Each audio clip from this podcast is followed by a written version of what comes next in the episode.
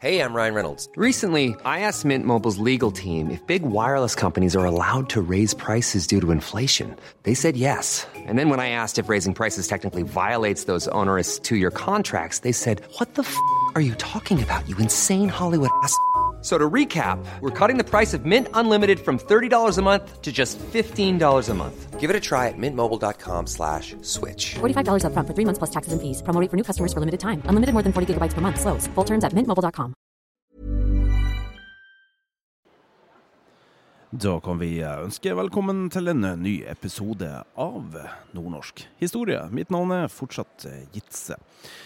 Vi skal tilbake til førkrigstiden. Vi skal snakke om den finske fare i dag, og vi skal åpne med et intervju som jeg gjorde med Einar Nemi i Vadsø under Kvenfestivalen i 2021.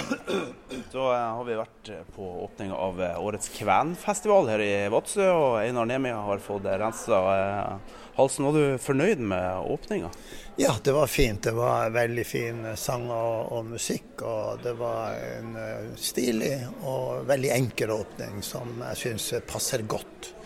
Og jeg syns jo også at eh, det de to politikerne sa var interessant. Og jeg la jo merke til fylkesordfører, eh, eller fylkesrådsleder, ja. eh, Mo sin veldig personlige tilnærming. eh, og Hva han opplevde i barndommen om, om det flerkulturelle og det flerspråklige. Som var egentlig Jeg tror det traff eh, veldig mange av tilhørerne. Og ga gjenkjennelse. Men da eh, har jeg jo faktisk lyst til å spørre, kanskje vi kan begynne akkurat der. For Kåfjord kommune er jo kanskje litt symbol på at man kan ta konflikt og komme ut av det. Kanskje det egentlig ikke var noen konflikt. Den her finske faren og den biten, var det en konstruert sak? Var det egentlig noe fare? Nei, altså, eh, Statsviterne, samfunnsvitere, har jo gjerne noen slags begreper de bruker på trusler og trusseloppfatninger. Eh, og eh, den, eh, det dreier seg veldig mye om en forestilling i samtida. Først om at det eksisterte nærmest permanent en russisk fare. Ikke bare mot Nord-Norge, men mot hele Vest-Europa. Og for det andre så å si kjølvannet av den russiske fare, en finsk fare. Og koblingen mellom den finske og den russiske fare eh, var jo den at eh, Finland ble et russisk, eller et tsaristisk storførstedømme i 1809. Sverige mista Finland. Og da begynte man å tenke om kvenene som hadde kommet til Nord-Norge, og som gjorde det gjennom hele 1800-tallet. Hvem er de egentlig? Er de nå finlendere, eller er de ikke egentlig russere? Fordi de kommer fra storfyrstedømmet. Og ut ifra det så ble det lagd eh, trusseloppfatninger som nærmest eh, stigmatiserte kvenene som mulige potensielle femtekolonner. Altså at de var på en måte femtekolonne, det er jo, går jo helt tilbake til Romerike. Altså en befolkning i en befolkning som man ikke kan stole ordentlig på. Hvis det blir krig f.eks., ja hvem tar de da standpunkt for? Og Det er jo da interessant at i 1860-årene så ble det lagd en stor trussel, militær trusseloppfatning, eh, eller en trusselanalyse av Norge. Og det er jo interessant å lese den, som nettopp viser den sterke forestillingen om at det eksisterer en oppfatning av en finsk fare. Da står det i den trusseloppfatningen at det er rimelig å tenke seg at dersom det blir en væpna konflikt mellom øst og vest, altså mellom Russland på den ene siden, vestmakta på den andre siden, så vil kvenene øst for Tana elv gripe til våpen for sitt gamle hjemland. Og det gamle hjemlandet, det er altså Finland, som i den sammenheng ble definert som en del av Russland. Og det som forskninga har vist i ettertid, det er jo faktisk at eh, det var ingen grunn til eh, Det finnes ingen bevis eller ingen dokumentasjon på at det forelå en reell trussel.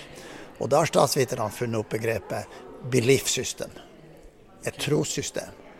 Altså at selve forestillingen blir så sterk at den da gir anledning til å lage slike trusselbilder som oppfattes som reelle.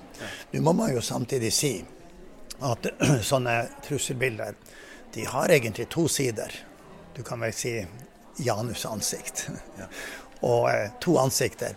Det ene er at sånne trusseloppfatninger blir en form for ideologi som man tror på, og handler deretter.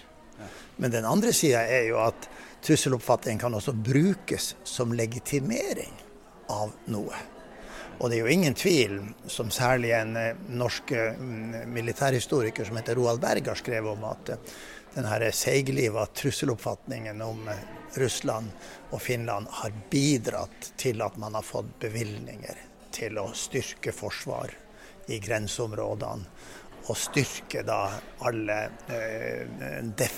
alle forsvarstiltak som skal kunne forebygge en, ja, la oss si en trussel fra, fra Russland. Så, så, egentlig var det en økonomisk eh, vinning for noen som lå bakom dette? Ja, det er jo Jeg husker godt for mange år siden vi hadde et eh, vi hadde, I mange år hadde vi et seminar som het Nordnorske historieseminar.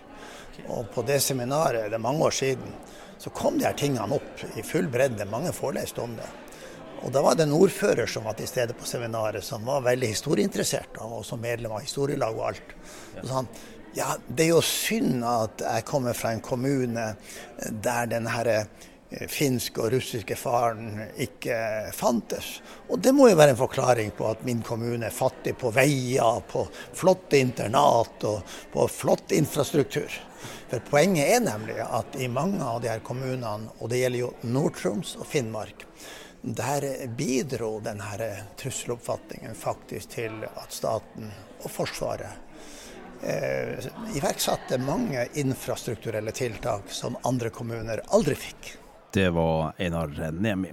Vi eh, skal ta han på ordet. Vi skal reise til Pasvik. Vi skal ut på tur sammen med sjefen for Finnmarkseiendommene, nemlig han Kurt Pasvik Bamsen Vikan. Og han tar oss med på en del, eh, og viser en del spor av hvordan myndighetene bygde opp nettopp Pasvik for eh, å demme opp mot den finske fare. Her eh, kommer en del av eh, podkasten som heter Finnmarks Karl Johan, som du også kan finne lengre ned. Der var bebyggelsen før man på slutten av 20-tallet fant nikkel i det som heter Kolosjoki, og bygde opp en by som heter på finsk Nikkeli. Og så ble det da på øh, russisk Nikkel. Ja. Og det er litt artig når du kjører oppover her, så kommer du til Salmijärvi så står det skilt Salmijärvi med kyrilliske bokstaver. Ja. Så russerne har beholdt de gamle finske navnene. Men eh, hvis du kan lese russisk, så skjønner ikke du at det står Salmijärvi. Og det bruker de oppover hele veien her. Vi har jo mange fosser i elva vår, så det er jo syv fosser som er bygd ut med kraftstasjon. Men de bruker faktisk de finske navnene, russerne, den dag i dag. Hvor langt er det over til Russland her? Nei, her må du vel kanskje si at det er en kilometer. Vi kommer til plasser hvor det er mye smalere. Ja. Det går an å svømme til Russland hvis man vil? Ja, ja, vi kommer på plasser du kan svømme over. Ja, ok. Kan vi prøve på det i dag? Ja, hvis du har råd betale en 6000-7000 kroner i bot for at du har kryssa grensa ulovlig, så er det i orden. Ja, kanskje, er det, kanskje det er verdt det. det er suvenir. Ja. Men du, eh, her var det da selvfølgelig tollstasjon. Og, og um, i 44, når russerne kom over her og jaga tyskerne ut, hva så skjedde på tollstasjonen her da? Nei, det var jo den første plassen det norske flagget ble heist. Man ser jo ofte det bildet av folket som kommer over, ut av tunnelen med flagget over. I Bjørnevann, de 3000 menneskene som var inne i tunnelen. Men her var jo befridd noen timer før, for det kom jo over elva tyskerne overalt, med russerne hakk i hæl, for å si det sånn. Ja. Så her var den første plassen som man heiste flagg.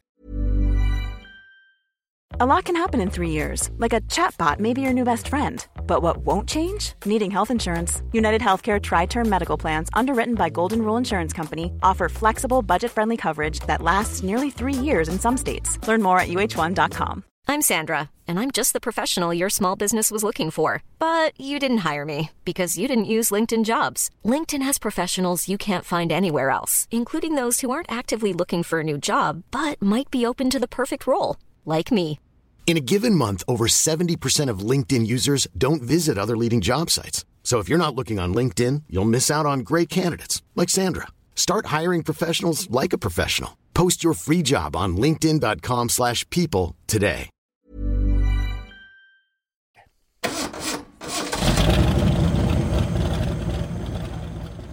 I Kurt Pasvik Bamsen Vikans store Chevrolet så humper vi gjennom Pasvikdalen. Han eh, har en ganske karakteristisk eh, stil med stor cowboyhatt, sneip i munnviken og en stor snurrebart. Vi eh, skal få høre mer fra Pasvikdalen, men jeg tenkte bare først å minne deg på om at det koster ganske mye for oss å lage denne podkasten. Og vi blir så utrolig glad når noen gidder å vippse en 50-lapp, eller mer selvfølgelig, til 52 00 48. 52 00 48. I 1905 så bygde man et skoleinternat med kirkerom, som ligger litt unna her. Og da, etter kolonisering og folk begynte å komme hit, nordmenn, og det var Finland på andre sida, så ville man ha eget kirkebygg. Myndighetene nede i sør sa nei, for dere har kirke på Strand. Men så satte man ut et rykte at over på andre sida, på finsk side, så skulle finnene bygge kirke. Og etter man fikk, eh, eh fikk, eh, fikk eh, høre det, så tok det ti måneder til kirka var bygd. Og det er brukt lokal uh, tømmer, lokal stein til grunnmuren. Det eneste som er de fire bæresøylene inne som de ikke hadde tid å lete etter tømmer her, så det kom fra salgsbruket og hit opp og ble brukt. Hvor er det? Salgsbruket? Det er vel nede i Trøndelag, tror jeg. Oh, ja, okay, ja. så, så, det ble iallfall sendt hit opp. Og det, det er Og den her, her var jo masse trefninger. Her hadde du det som heter Svanvik ungdomsskole, som var lasarett for tyskerne. Du hadde kino her. Så bakveggen på kirka her er full av granatsplinter. Så russerne drev og skjøt over? Nei, ja, tyskerne sprengte, og russerne skjøt over også. Ja. Så, så her, rett ved siden av her sto det jo en kino, og det er jo et fantastisk eh, maskinrom som står fortsatt i stein, pga. filmene var jo brannfarlige. Ja. Så den første kinoen brant jo opp, ikke sant, men ja. Den andre og bygde man da maskinrommet i stein. Ja, riktig. Du, hva Det er drifte og sånn i dag? Ja, ja. Jeg skal i bryllup her neste helg, og skal konfirmasjon helga etter. Ja. Og, og tyskerne, de kom så Nei, russerne de kom så kjapt på her i 44 at de rakk, tyskerne rakk ikke å brenne? Nei. Eh, du kan si jeg, Hjemplassen min er en mil lenger nord. Det var den øverste gården som ble brent. Og den hadde far min kjøpt i 42, og 44 så sto han på fjellet bak og så tyskerne stakk fyr. Og da sa han at russerne var så nært. Du så dem komme over elva på tømmerflåte, på tømmerstokker, alt mulig. Ja. Så tyskerne torde ikke å kjøre lenger i sør og tenne fyr på, på gårdene, for de var så hakk i hæl, ja. russere.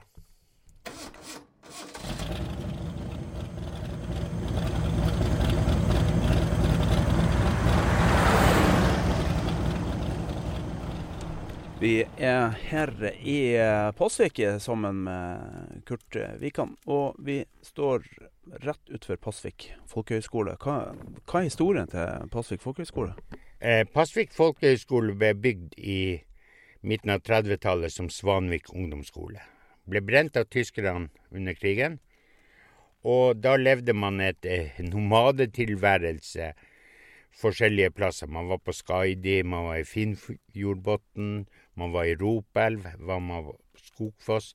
Så ble det da bestemt tidlig på 70-tallet at man skulle bygge opp ny skole, og bygde opp den her i 74.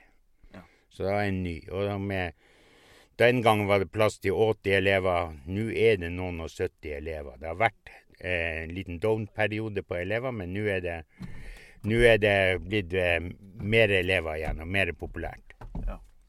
Og Er det også en del av si, fornorskningsprosessen her? Ja, Den gangen det var på 30-tallet, så var det jo det. ikke sant? For da var det for å hevde norsk suverenitet. Man bygde jo da det Svanovd, man bygde grensestasjon, eller eh, gjestgiveri, turiststasjon, man tollstasjon, kirka og alt det her. Ja. Så det er jo Men eh, det var jo en veldig diskusjon på 70-tallet om man skulle bygge den nede ved Kirkenes, denne folkehøgskolen, eller om man skulle bygge den i Pasvik. Og heldigvis ble den bygd i Pasvik. Ja. Så det gamle navnet, det endra vel navn for ca. ti år siden, det var jo Svanvik folkehøgskole. Og mange ut av en litt eldre generasjon husker jo det navnet. Ja, riktig. Og, og, eh, hva er det de kan lære her? Nei, Det er mange linjer. Det går på friluft. Det går på art, arktisk kjøkken. Det går på internasjonalt. Det går på, på hundekjøring. Så man har mange forskjellige linjer. Ja. Og er, skolen integrert i lokalsamfunnet? Ja da, den brukes, og vi har feirer 17. mai her, og vi bruker den, og man har alt fra dametrim til, til uh, idrettslagene har uh, trening her. Leikaringen danser her. altså Den brukes av lokalbefolkninga til alt mulig. Så det er en institusjon i bygda. Ja. Og så kommer det ungdom fra hele verden og blir kjent med en ny verden. Ja, det er det. Og det er jo en populær skole nå. Den er blitt veldig populær. Ja. Og Er det noen av de som har gått på skole som fant ut at de skulle bli igjen her? Ja, og dem er jo gode ambassadører for området. Og det er faktisk mange som bor her og funnet seg kjæreste. Når jeg også vokste opp, så var det jo en plass å ferde i helgene. Jeg brukte, bruker å si det, jeg har aldri gått på folkeskolen med mange netter der. Ja. Det var ingen utdanning med én natt på husmorskolen? Nei, men jeg har flere, flere netter her. for å si det sånn.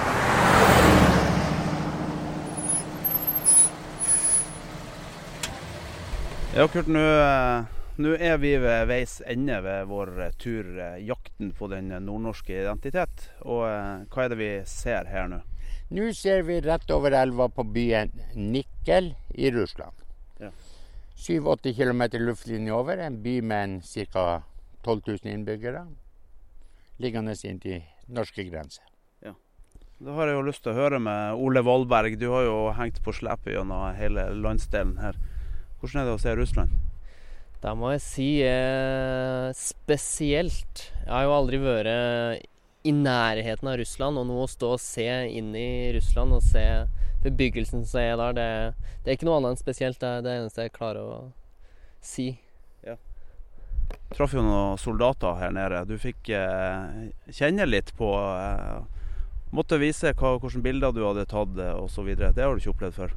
Ja, nei, jeg skulle vel kanskje ha undersøkt eh, reglene når det kommer til å filme på grensa, men eh, jeg tok en liten videosnutt av en installasjon, en russisk installasjon.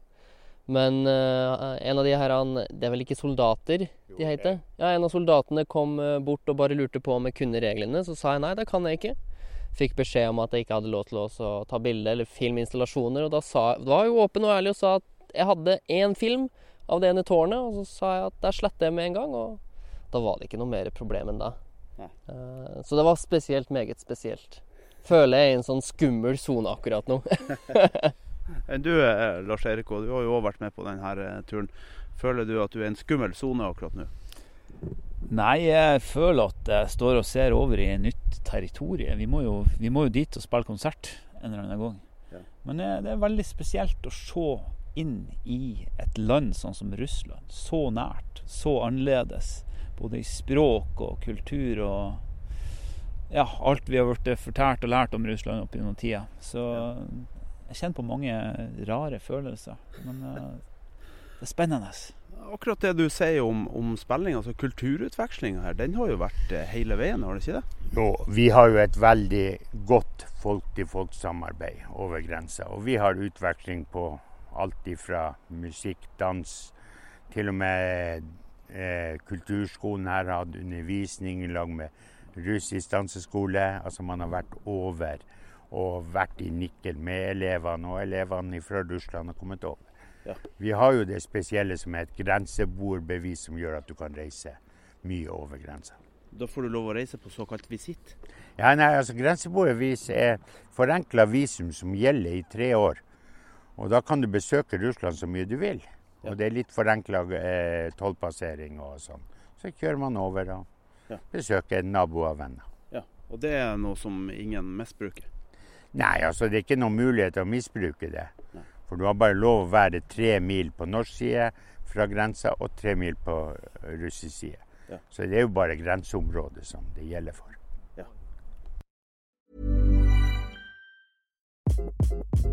Hi, this is Craig Robinson from Ways to Win, and support for this podcast comes from Invesco QQQ, the official ETF of the NCAA. Invesco QQQ is proud to sponsor this episode and even prouder to provide access to innovation for the last 25 years. Basketball has had innovations over the years, too. We're seeing the game played in new ways every day. Learn more at Invesco.com slash QQQ. Let's rethink possibility. Investco Distributors, Inc.